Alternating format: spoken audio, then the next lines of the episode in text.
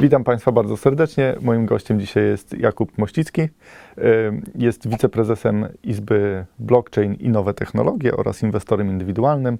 Bardzo wielu z Was prawdopodobnie może go znać z tego, że demaskuje oszustów i jest pogromcą skamów na polskim rynku medialnym, tak? Co teraz jest na topie, Jakub? Y, Jaki, jakie oszustwa teraz y, królują? Tych oszustw jest, znaczy powiem tak, tytułem wstępu, no niestety jestem z tego znany, bo jakby na rynek finansowy szedłem z zupełnie innym założeniem. Także tam jest fajnie, że tam jest fajna wiedza, można się dużo na, nauczyć, można fajne pieniądze zarobić. Mm, Niestety, niestety się okazało, że rynek finansowy wygląda trochę, powiedzmy trochę e, inaczej niż e, jest takie powszechne odczucie tego rynku. Że tam większość e, rzeczy, jaka się dzieje, no jest powiedzmy taka shady, taka bardziej w- cieniu niż uczciwa, że tak powiem. Oczywiście no, większość tych instytucji re regulowanych mm, no, jest jak najbardziej okej, tak? To, co ci powiedzą, to tak jest. Niestety na tym rynku przyczepiają się mm, podmioty, które no, nie do końca grają fair. No i właśnie jednym z takich, e, z takich działań, które są nie do końca fair, e, są te właśnie kondohotele, o których e, rozmawialiśmy przed wejściem na antenę. Kondohotele, które dwa lata temu były bardzo modne. Mm, Wtedy wszyscy się bardzo ekscytowali tym, ile to na, na tym można zarobić, że polski rynek hotelowy się bardzo rozwija. Ja kiedyś pisałem raport dla jednej ze spółek giełdowych właśnie o rynku hotelowym. I ten rynek rzeczywiście, e, rzeczywiście sporo rośnie. Tam zapotrzebowania, e, zapotrzebowanie na usługi hotelowe jest bardzo, bardzo duże, rosnące. E, No i na fali takich jakby niedomówień wyrosły te kondohotele. E, Co, co to jest dokładnie? Że jak ktoś się z tym nie spotkał, żeby Kondo hotel to jest wyobraził? Mm, właściwie są dwa, dwa typy. Są apart hotele i kondo hotele. E, w takich prze, przesłaniach marketingowych one są trochę rozdzielane, ale tak naprawdę raz, że nie ma definicji takiej prawnej tego, mm, więc nigdzie w żadnej ustawie nie znajdziesz definicji, czym się różni kondo hotel od apart hotelu, ale się przyjmuje takie, mm, taki rozdział, że apart hotel, no to wynika z tego nazwa, że to jest apartament, czyli masz jakby osobne mieszkanie, które ma swoją łazienkę, swoją kuchnię, e, swoje, swój pokój albo kilka pokoi, więc to jest taki apartament e, w jednym dużym budynku, w którym jest mnóstwo takich apartamentów, które są przez dewelopera albo przez operatora po prostu wynajmowane na, mm, e, na takim no, zwykłym rynku, rynku hotelowym. Natomiast kondo hotele są podobne, jeśli chodzi o funkcjonalność, czyli też są wypożyczane, wynajmowane na mm, e, no, gościom, którzy przyjeżdżają sobie tam mm, pomieszkać, ale nie mają na przykład e, kuchni, czyli są takim no, typowym pokojem hotelowym, jaki prawie wszyscy znamy. mm, Jeśli ktokolwiek kiedykolwiek był w jakimś hotelu, to tak to wygląda. Natomiast e, tak naprawdę podział ten jest bardzo płynny, bo w miejscowościach nadmorskich można spotkać i jedno i drugie nazywane i tak i tak. W miastach podobnie e, też, czy to jest kondo hotel, czy to jest apart hotel, no to już jest e, praktycznie no, kwestii, rozmyło, prawda? kwestii no, dewelopera, który to stawia. Problemów, jakie się z tym e, wiążą, jest naprawdę ogrom. Z racji mojej działalności w Fundacji Trading Jam, no, spotykaliśmy się z wieloma osobami, które inwestowały naprawdę w, w tragiczne projekty, nie tylko konto hotelowe, ale w, mówię ogólnie na, na całym rynku inwestycyjnym. I tego jest naprawdę, naprawdę dużo. No i kondo hotele są między innymi jednym z takich e, elementów, na którym ludzie wtedy jeszcze nie tracili, tylko przychodzili z pytaniem, że jest taki fajny projekt, czy my byśmy im to polecili. My oczywiście nikomu nie polecamy żadnych inwestycji, no bo takie było założenie fundacji, że raczej ostrzegamy i pokazujemy. E, No z polecaniem nigdy tego nie robiliśmy i fundacja nigdy tego robić nie będzie. E, Natomiast jakby skala zapytań o dane rzeczy w danym momencie jakby pokazuje mm, e, skalę też samego tego problemu, który później może z tego wyniknąć. Tak jak w pewnym momencie wszyscy się rzucili na kryptowaluty, później się wszyscy rzucili na nieruchomości, no a koniec końców to już był ten właśnie, te wszystkie apart hotele i kondo hotele i to już pokazywało, że jak dochodzimy do pewnego momentu, jak już nie ma kto kupować, a właściwie te nieruchomości już są tak napompowane, że się pojawiają kolejne możliwości inwestycyjne mm, w postaci tych kondo i apart hoteli, no to już się powinna zapalić czerwona lampka i, i wtedy też zaczęliśmy się tym interesować, jak to wygląda w rzeczywistości. No i to wyglądało już wtedy bardzo źle. To był tam rok 2000, hmm, 2018. Z raportów, które czytałem, e, zmiana e, ilości e, takich apart hoteli wynosiła chyba rok do roku w 2018 e, 174% na plus, e, ilość tych jednostek e, hotelowych. Mm, W 2019 to spadło i urosło tylko o 36% tam rok do roku. No ale dalej to było już od tej jakby powiększonej mm, e, liczby hot, y, jednostek hotelowych. Więc to i tak był duży, mm, duży wzrost. przyrost. E, Natomiast z tym się wiąże no, bardzo, bardzo dużo e, problemów. No, ja mam tu całą listę tych problemów, które, które mi przyszły tam do głowy mm, w międzyczasie. E, No i jednym z takich Ale głównych... to te problemy zaczęły być jeszcze przed tym kryzysem koronawirusowym, czy To, o, to było dużo, dużo wcześniej, bo mm, no, tak jak mówię, 2018 już mniej więcej to się zaczęło pojawiać wtedy. E, to znaczy, wtedy się zaczęli ludzie nas o to pytać. E, to, to istniały kondo hotele, istniały tam dużo, dużo dłużej. W zachodniej Europie to już bardzo długo. E, w Hiszpanii to już zdążyły tam kryzys swój przejść, więc jakby to już mieliśmy za sobą. Natomiast całe problemy wynikały z tego, że rynek nieruchomości rósł. Jest takie powszechne przekonanie, że no, rynek nieruchomości zawsze rośnie. Jakbyś, jak masz dużo pieniędzy i nie masz co zainwestować, inwestujesz w, w mieszkanie na wynajem, najwyżej oddasz wnukom, dzieciom, mm, komuś to zostawisz, e, ewentualnie jak będziesz w potrzebie, to sobie sprzedasz. I jest takie podejście, że ludzi zawsze będzie przybywało, tak? Przyjeżdżają do nas ym, ludzie z Ukrainy, z Białorusi, teraz chyba nawet jeszcze z Wietnamu zaczęli przyjeżdżać, jakichś tam innych Filipin, więc y, no, oni gdzieś muszą mieszkać, tak? Więc nawet jak wynajmiesz to na pokoje, no to zawsze będziesz miał na to zbyt. No, w związku z tym, że jest na to popyt, no to nieruchomości mm, teoretycznie mają iść do góry.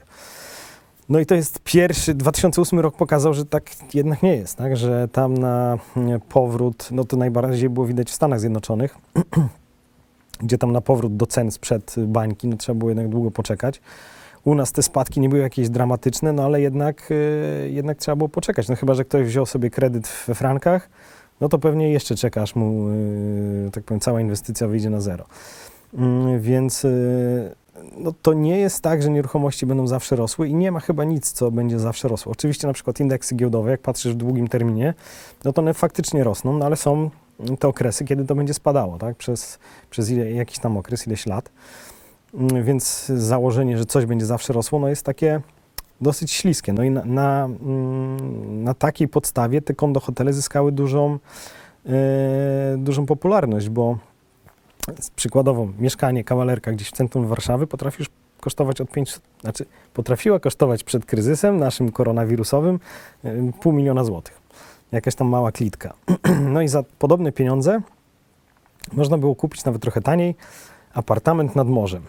No sam słyszysz, jak to ładnie brzmi, tak? Masz apartament nad morzem, 500 metrów do plaży, czy tam 300 metrów do plaży, no tylko, że się później okazywało, że takie y, apartamenty no, są stawiane, one są faktycznie gdzieś nad morzem, tylko są stawiane gdzieś w lesie, bez żadnej infrastruktury, bez, y, bez żadnych tam podstawowych takich usług, typu jakieś sklepy, coś takiego, co się normalnie przydaje w codziennym życiu, więc ich użyteczność jest że tam nie ma y, kuchni, tak? Że to jest sam pokój, tak? Mm, No tak, założeniem, pytanie jaki model przyjmiemy, tak? No ale za, zakładając, że tam nie ma, mm, nie ma kuchni, więc ta kuchnia jest gdzieś w budynku na dole, tak jak powiedzmy w normalnym hotelu, tam sobie ewentualnie możesz, znaczy kuchnia, no restauracja, więc możesz sobie tam iść do restauracji, coś kupić, więc to jest taki normalny hotel, ale podzielony na pojedyncze pokoje i tam jest powiedzmy, jak ma 500 pokoi, no to jest 500 yy, no, udziałowców, ale no, udziałowcy to są w spółce, więc tam 500 właścicieli, nie?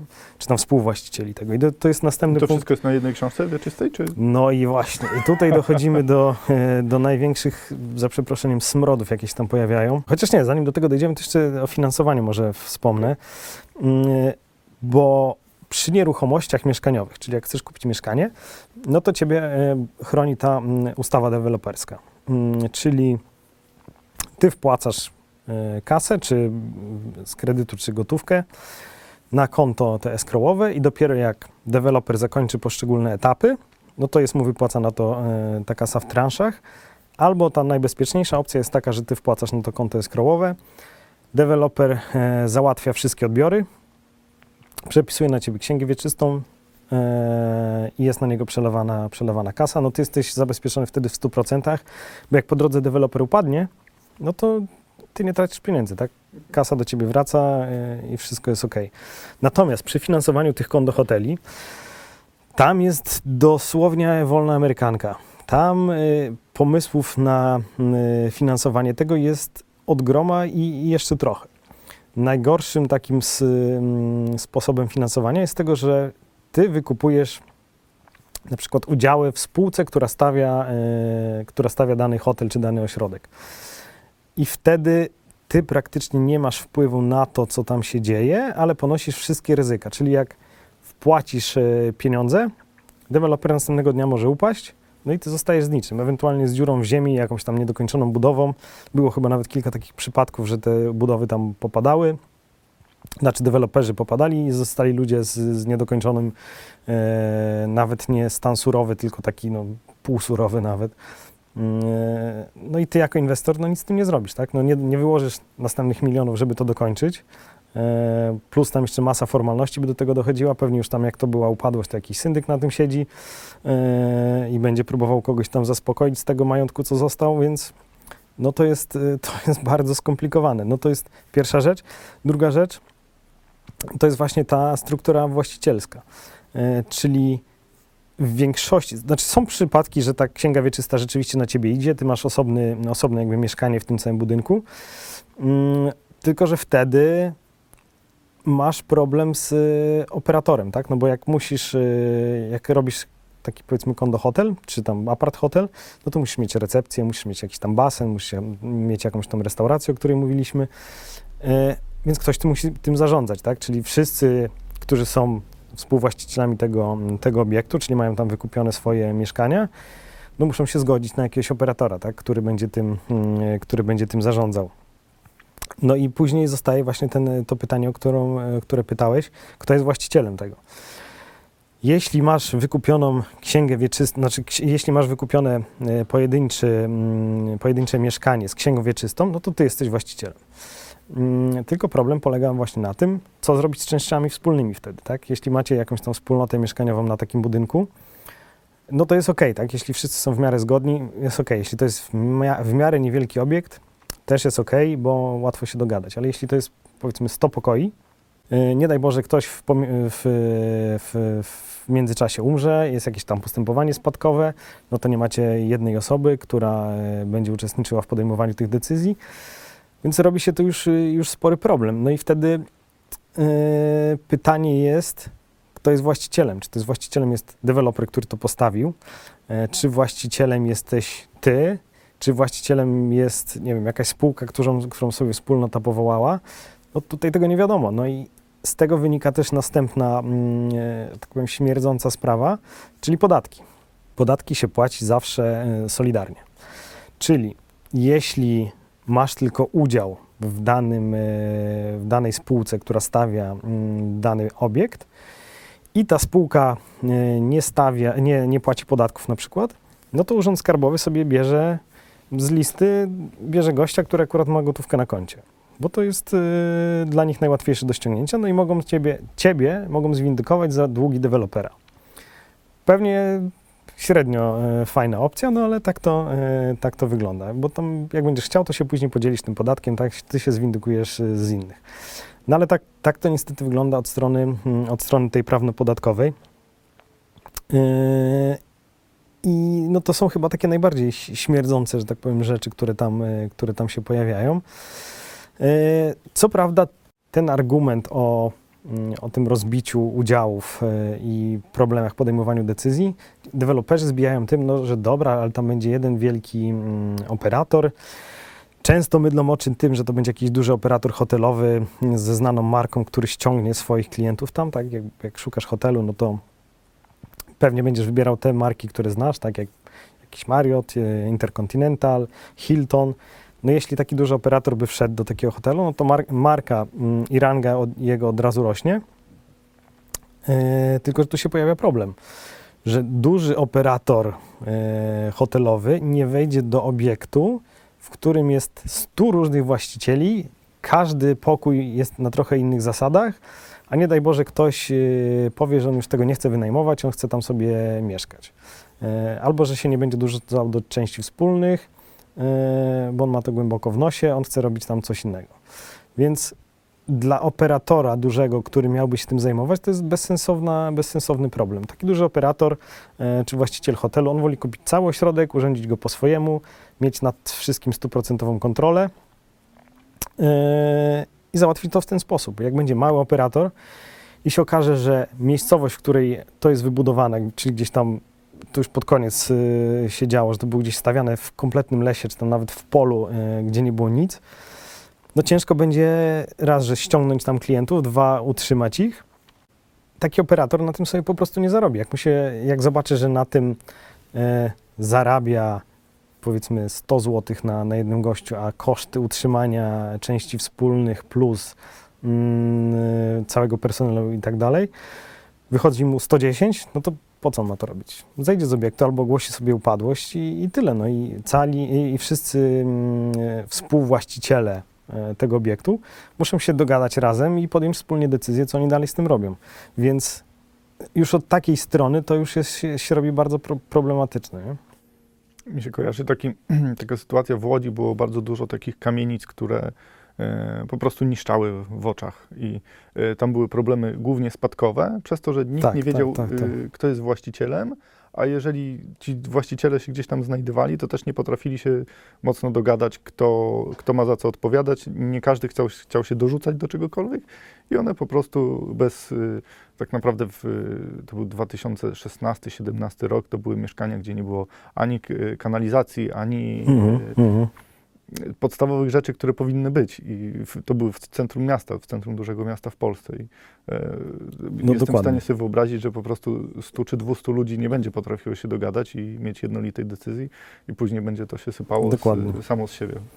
No w Warszawie nie mieliśmy takich problemów, bo właściciele zawsze tam po 110 latach się znajdowali i, i przejmowali kamienicę i robili z nią co trzeba. E, Później zwykle następował samozapłon deweloperski tak zwany i e, mieliśmy problem z głowy i powstawał e, wieżowiec. E, Ale wracając jeszcze do naszych kondo, mm, tam najgorszą opcją, najgorszą e, chyba takim najbardziej perfidnym e, punktem całej tej oferty była gwarancja zysku jak teraz, ja nie wiem dlaczego nastąpił taki wysyp, jak sobie w Facebooka scrolluję, to mam wysyp e, tych y, kondo hoteli, y, czy apart hoteli nad, nad morzem. Pewnie chcą się z tego wyprzedać jak najszybciej, zanim ten rynek już się kompletnie rozwali.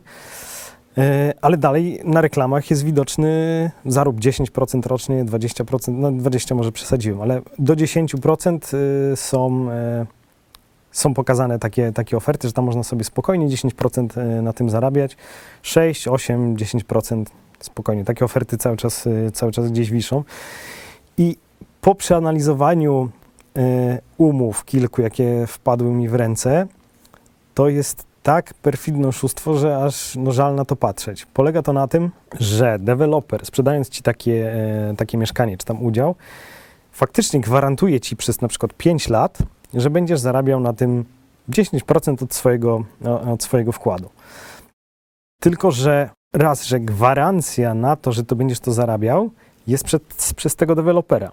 Więc po oddaniu całego obiektu w użytkowanie, deweloper następnego dnia może zbankrutować i swoją gwarancję możesz sobie włożyć głęboko w buty, żeby było e, cieplej. To, to jest jedna rzecz. Druga rzecz jest taka, że e, deweloper no, nie jest organizacją charytatywną. Więc e, to ryzyko, które on ci daje, mm, pokazując ci, że będziesz miał gwarantowany zysk 10% przez pierwsze 5 lat, no on musi gdzieś sobie odbić. Więc jeśli taki operator ma ileś tam mieszkań sprzedanych, tak, i ile się obsługuje, i powiedzmy na połowie jest y, gwarancja tego zysku, no to jak będą rezerwacje wpadały na, dane, na dany obiekt, no to dany operator będzie kierował najpierw na te obiekty, na te poszczególne pokoje z gwarancją.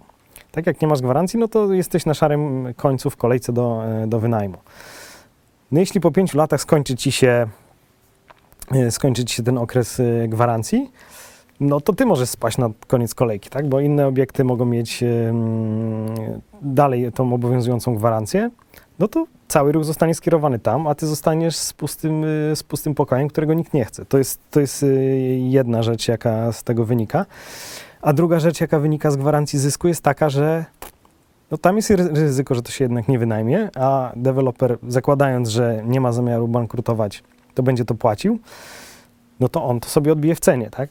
Zamiast jak ci da, e, sprzeda zamiast za 100 tysięcy, no to sprzeda ci to za 130, no i te 130 ci zagwarantuje, że on ci z powrotem odda. Więc ty jakby zostajesz w tym samym momencie, cieszysz się, że masz zysk, ale tak naprawdę sam sobie za niego zapłaciłeś, tak? Bo zamiast płacić 100 tysięcy, zapłaciłeś 130, te 130 dostaniesz w ratach przez następne 5 lat. No więc to, to jest taki średni biznes, no ale na tym, e, na tym niestety deweloperzy też mocno, mocno się promowali. Tu mi się przypomina taka okazja, kiedy też dla inwestora weryfikowaliśmy ym, jedną inwestycję. Była taki, był taki dworek, który na operacie szacunkowym był chyba wyceniany na 32 miliony euro. Mhm. Ym, I facet chciał, chciał pod niego pożyczyć e, chyba jakieś 10 milionów euro, żeby go tam y, odpicować, a próbował go sprzedać w międzyczasie y, za 5 albo 6, bo chciał pozyskać kasę i doszedł do wniosku, że jeżeli pozyska, y, zaciągnie dług pod zastaw tej nieruchomości, to jakby ją sprzeda, sprzeda w, za wyższą cenę, trochę naokoło. I czy to nie jest tak, że była, była fajna okazja, żeby wypchnąć nieruchomości, które gdzieś tam zalegały właśnie po wyższej cenie, bo jak na przykład kupujesz mieszkanie w mieście, negocjujesz cenę, prawda, y, kupujesz je w, y, tak, tak, jak tobie pasuje, tak jakbyś kupował mieszkanie, a później oddajesz je na przykład w zarządzanie firmie, która wynajmuje to na krótko, prawda? I wtedy ewentualnie dogadujesz się co do zysku i tak dalej. A tutaj masz zapakowaną nieruchomość, która być może nie była atrakcyjna i nie dało się jej sprzedać i wypychasz ją po wyższej cenie, bo robisz taką otoczkę, tak super, jest inwestycja, jeszcze na niej zarobisz z gwarancją, którą, tak jak mówisz, sam zapłaciłeś. Nie? Y, No niestety tak. Y, Z tym, że większość tych kondohoteli to, była, mm, y, to były nowe inwestycje, bo bardzo ładnie te wszystkie inwestycje wyglądają w katalogach, gdzie robisz sobie wizualizację, sadzasz do tego gościa, który mm, ładnie tam AutoCADem i Photoshopem operuje. No jest pięknie, zawsze są sosny, zawsze jest y, słońce na tych katalogach, zawsze są y, piękne białe plaże, mm, ludzie są wszędzie szczęśliwi, tak, jest cicho. Y, Ostatnio nawet widziałem taki fajny case. W katalogu było, był fajny ten taki kondohotel, że tam część tych a- apartamentów ma widok na morze. No tylko, że tam nikt nie wspomniał, że zaraz za, za tym hotelem dosłownie tam z 10 metrów idzie jakaś tam droga szybkiego ruchu. Więc jak dostaniesz ten apartament z drugiej strony, no to masz widok na ekspresówkę. tak? E, Więc taki no, średnio, średnio fajny, fajna inwestycja. E, Natomiast wracając do Twojego pytania, no większość szła właśnie mm, z, jako nowe inwestycje, jako kompletna dziura w ziemi. Dlatego one były tak, e, tak bardzo ryzykowne. Ja obstawiam, że teraz e, zacznie się wysyp upadłości. No teraz ta nasza kwarantanna trwa ile? Trzy tygodnie chyba, tak? No, trze- trzeci tydzień. nie? I Trzeci tydzień, no więc... branża hotelarska to gastronomia czuje to bardzo mocno. No dokładnie, a branża, w której i tak ciężko było zarobić, osiągnąć te tam, jak oni deklarowali, 8%, 10% rentowności, to było kompletnie niemożliwe. E, moim zdaniem to się zamykało w 2%, jeśli naprawdę ktoś się dobrze postarał. Mm, no to oni dostaną piersi po, po, po, e, po nosie, że tak powiem, i piersi to odczują i podejrzewam, że piersi zaczną też padać. Mm, I tacy inwestorzy zostaną z ręką w nocniku, bo te wszystkie inwestycje no, były od- od samego początku z raczej niską rentownością i takim bardzo wyśrubowanym scenariuszem, że wszystko jest super świetnie, wynajmujesz to dokładnie 4 miesiące w roku, czy tam 5 miesięcy w roku, jak jest w Polsce w miarę ok pogoda, Mm, bo tutaj dochodzi oczywi- oczywiście sezonowość, więc jak masz apartament nad samym morzem, no to wynajmiesz go 4 miesiące w roku. No, Max, może no, jak mniej więcej. Polska się Od ociepli. majówki do końca września. No dokładnie, no i więc, mm, więc no i to jest mocno uzależnione od pogody, tak? No w Hiszpanii prawdopodobnie ta pogoda jednak będzie. Jak tam pojedziesz, no to masz 99% prawdopodobieństwa, że będziesz miał fajną pogodę. Jak pojedziesz nad polskie morze, no to to jest 50-50. Albo masz huragan, albo masz fajną pogodę. No tutaj też, też ryzyko takiej sezonowości dochodzi. Mm, No więc to, to nie jest tak fajnie, jak to wygląda niestety w tych, w tych naszych katalogach, nie? E, No i ostatnia rzecz, jaka mm, dochodziła w tych wszystkich inwestycjach jest y, podział zysku.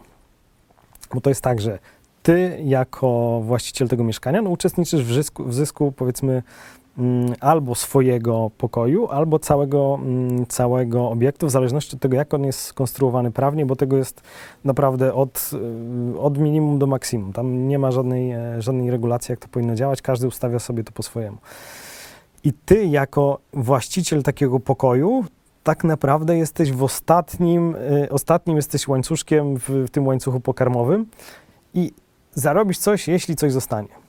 Bo musisz pokryć wszystkie koszty. Musisz pokryć tam e, koszty operatora, podatki, e, koszty funkcjonowania tych kuchni, koszty sprzątania, utrzymania basenu, e, przycinania trawy, no dosłownie wszystkiego. I jeśli coś zostanie, no to ty na tym zarabiasz, tak? To wtedy wpada do twojej kieszeni.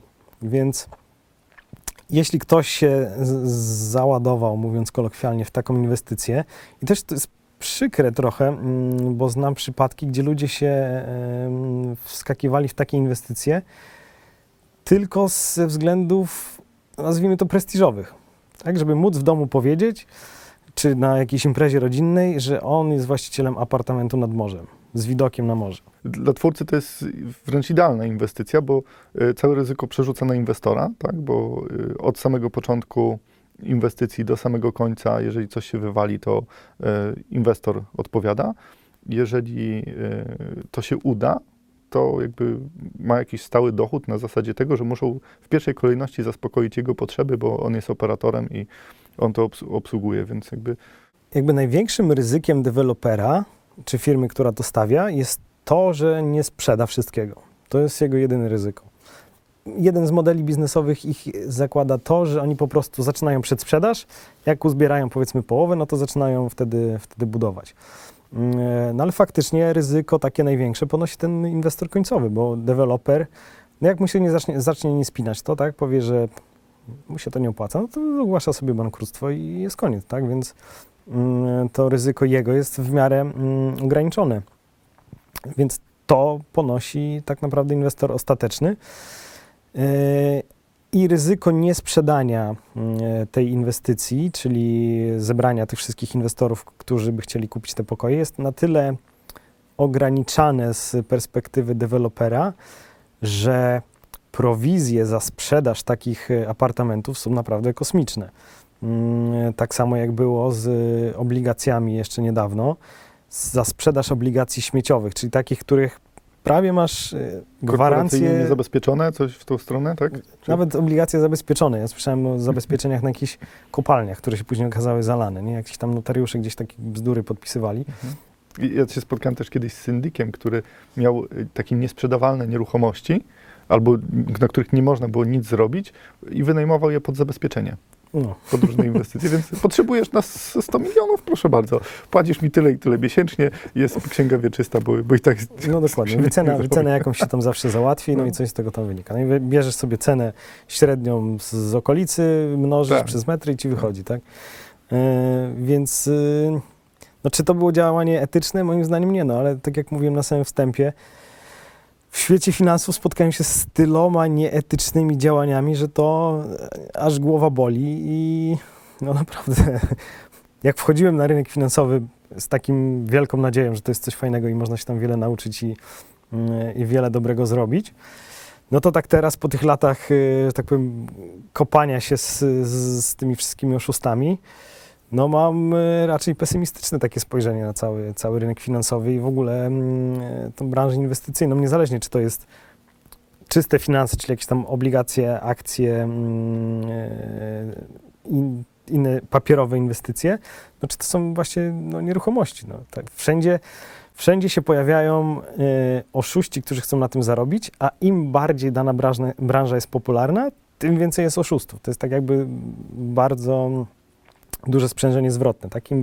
bardziej, branża jest popularna, tym się pojawia więcej oszustów, im się pojawia więcej oszustów, tym się bra- branża robi bardziej popularna, no i tak dochodzimy e, do tej nieszczęsnej bańki. Nie? To było chyba wszystko, jeśli chodzi o te nieszczęsne kondohotele. Podejrzewam, że teraz nastąpił kretes, y, koniec takich y, inwestycji. Podejrzewam, że te, które już są skończone, no to one będą jakieś tam sobie, będą sobie jakoś tam powoli działały. E, Jak ta cała sytuacja z, z, z naszym lockdownem się mm, e, ustabilizuje. E, Raczej wątpię, żeby były zyskowne, a na pewno już nie będą zyskowne na poziomie tych 10%, jakie tam niektórzy obiecywali.